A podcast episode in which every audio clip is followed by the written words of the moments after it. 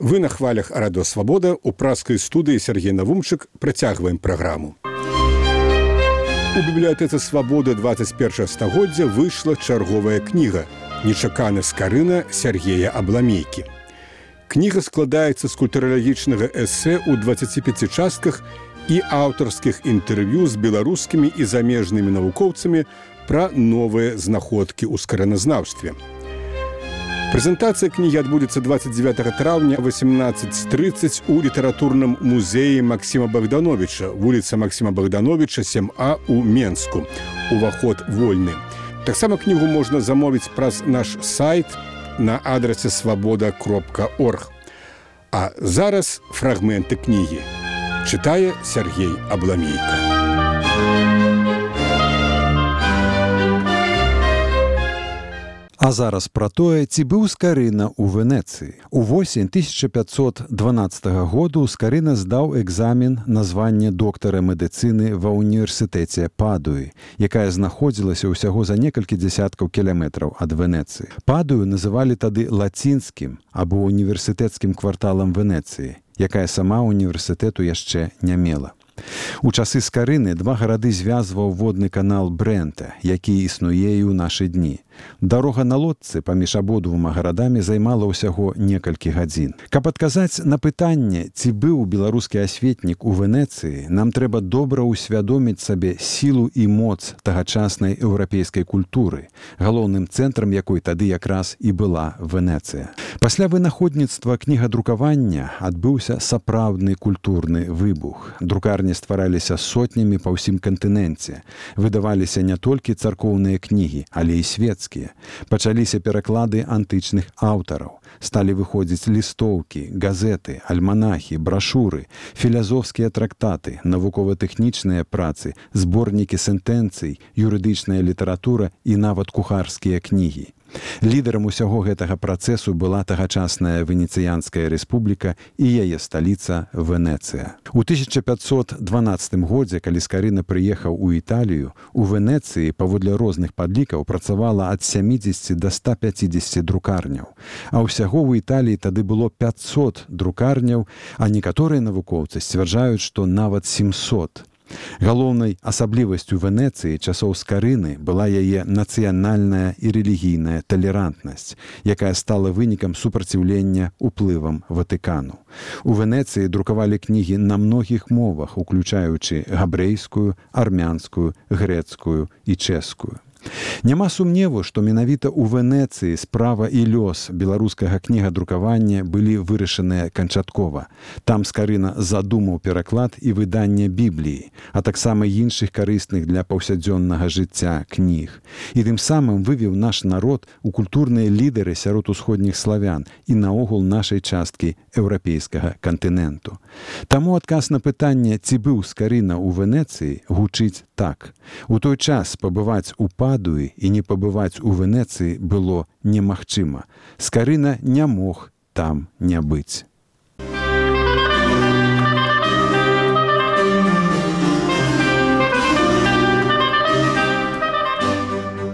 А зараз паговорым пра тое, з кім скарына мог сустракацца ў Венецыі. У канцы 15 пачатку 16 стагоддзяў у Венецыі жыў і працаваў вялікі італьянскі гуманіст і выдавец Альт Пі Мануцый.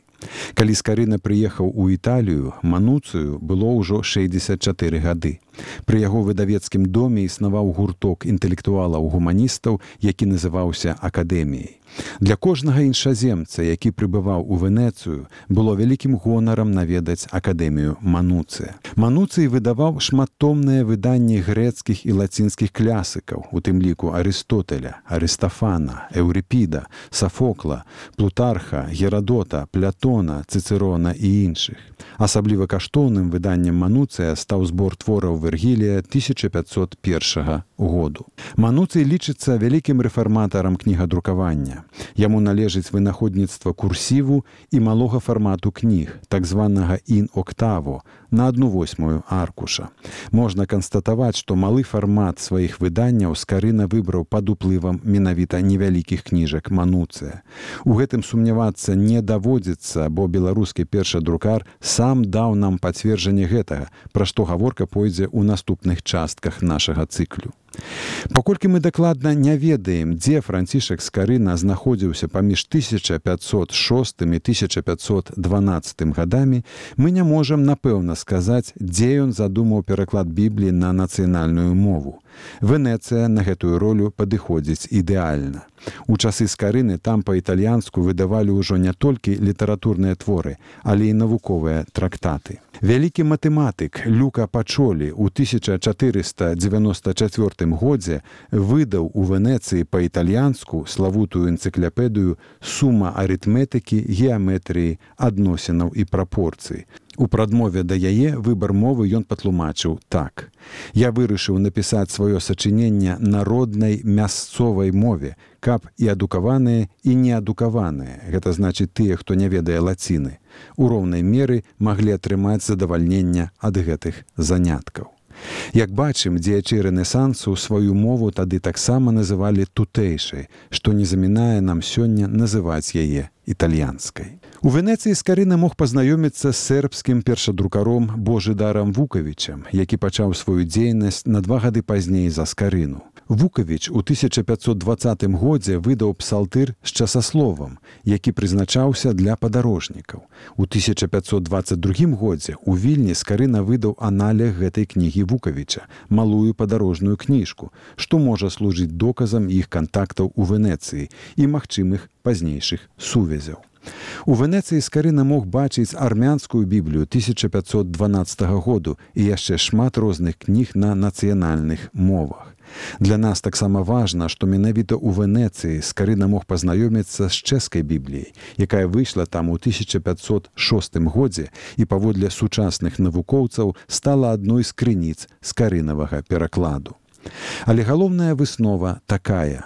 У выніку паездкі ў Венецыю беларускі гуманіст пачаў друкаваць кнігі малым фарматам, што зрабіла іх нашмат больш таннымі і даступнымі для простых беларусаў яны маглі проста і лёгка змясціцца ў невялікай дарожнай сумцы. Гэта быў чыста народны дэмакратычны фармат.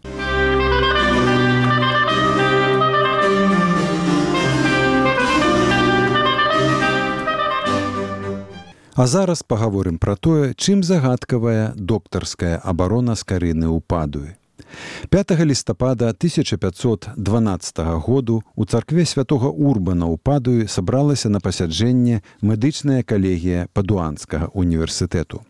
Адкрываючы паседжанне віцэ-прыёр калегіі доктар свабодных навук і медыцыны Тадэо Мусаці сказаў: Вашы дастойнасці спадары навукоўцы я склікаў вашы вялебнасці дзеля наступнай прычыны упадаю прыбыў вельмі вучоны, але бедны малады чалавек, доктар свабодных навук родам з вельмі далёкіх краін, якія ляжаць на адлегласці 4000 міль, а можа і больш ад нашага слаўнага гораду. Прыбыў малады чалавек для таго, каб памножыць славу і бляск падуі, а таксама квітнеючага сходу філёзафаў універсітэту і нашай святой калегіі. Ён просіць калегію на знак асаблівай міласці дазволіць яму прайсці выпрабаванні ў галіне медыцыны. Калі дазволяць вашы вялібнасці, я прадстаўляю вам гэтага маладога чалавека. Завуць яго францішак, ён сын нябожчыка лукі з карыны з полацку, русін. Канец цытаты. Калегія, як вядома, дазволіла і назаўтра 6 лістапада скарына здаў доктарскі экзамен.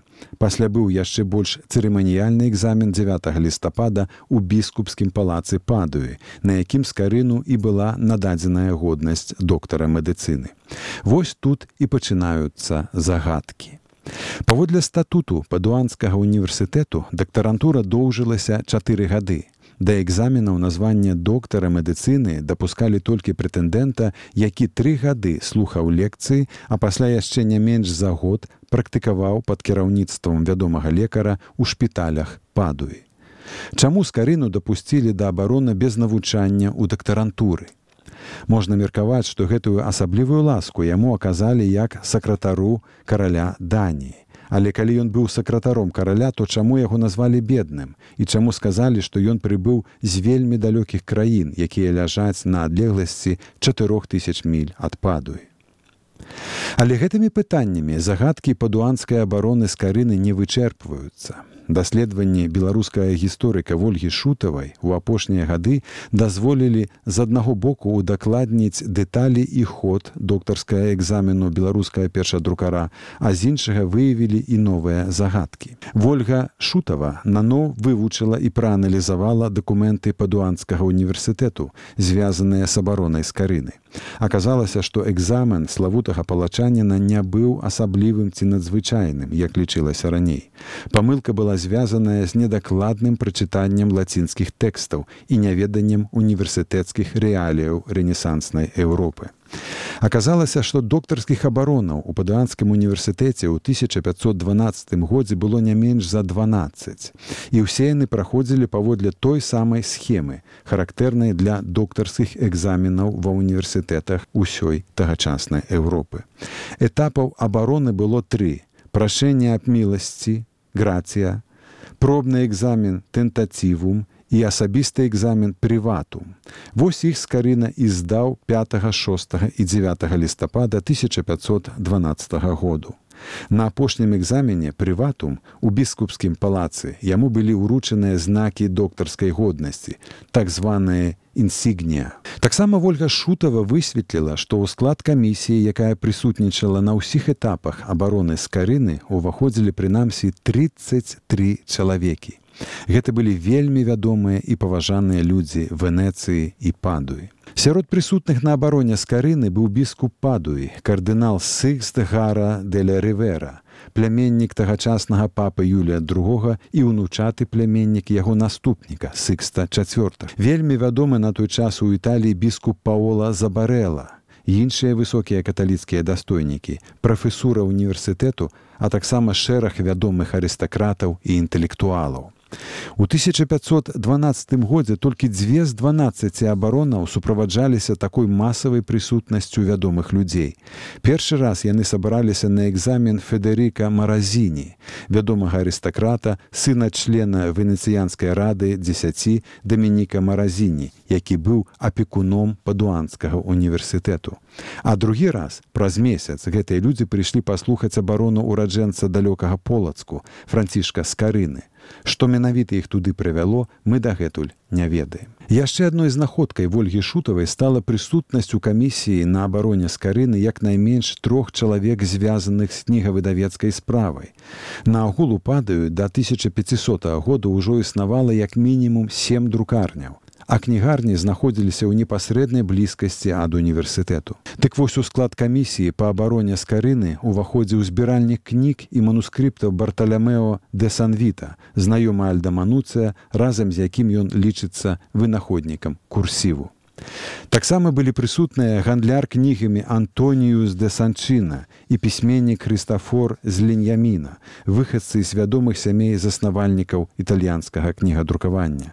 Санчына юдэйская сям'я, якая займалася друкам кніг, а Леньяміна італьянцы, якія пакончылі з нямецкай манаполіяй на кнігадрукаванне ў Італіі. Чаму скарыну дазволілі здаваць экзамен без навучання ў дактарантуры? Чаму на яго абарону прыйшлі тры з паловай дзясяткі славутых людзей тагачасных венецыі падаві і для чаго там былі італьянскія выдаўцы?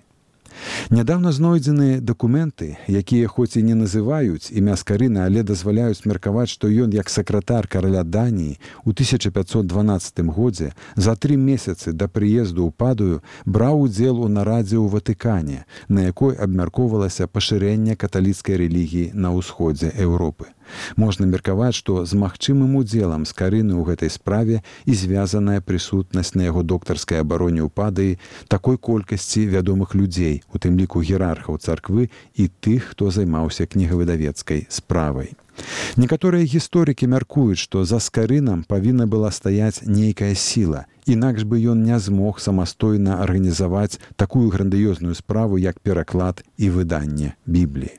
Але дакладных адказаў на гэтае пытанне гісторыкі не маюць. Нічога не напісаў пра сваю магчымую каталіцкую місію і сам скарына. Тое, што мы ведаем пра яго сёння, дазваляе меркаваць, што ён дзейнічаў на сваю ініцыятыву і карыстаўся дапамогай віленскіх беларускіх мяшчан мецэнатаў.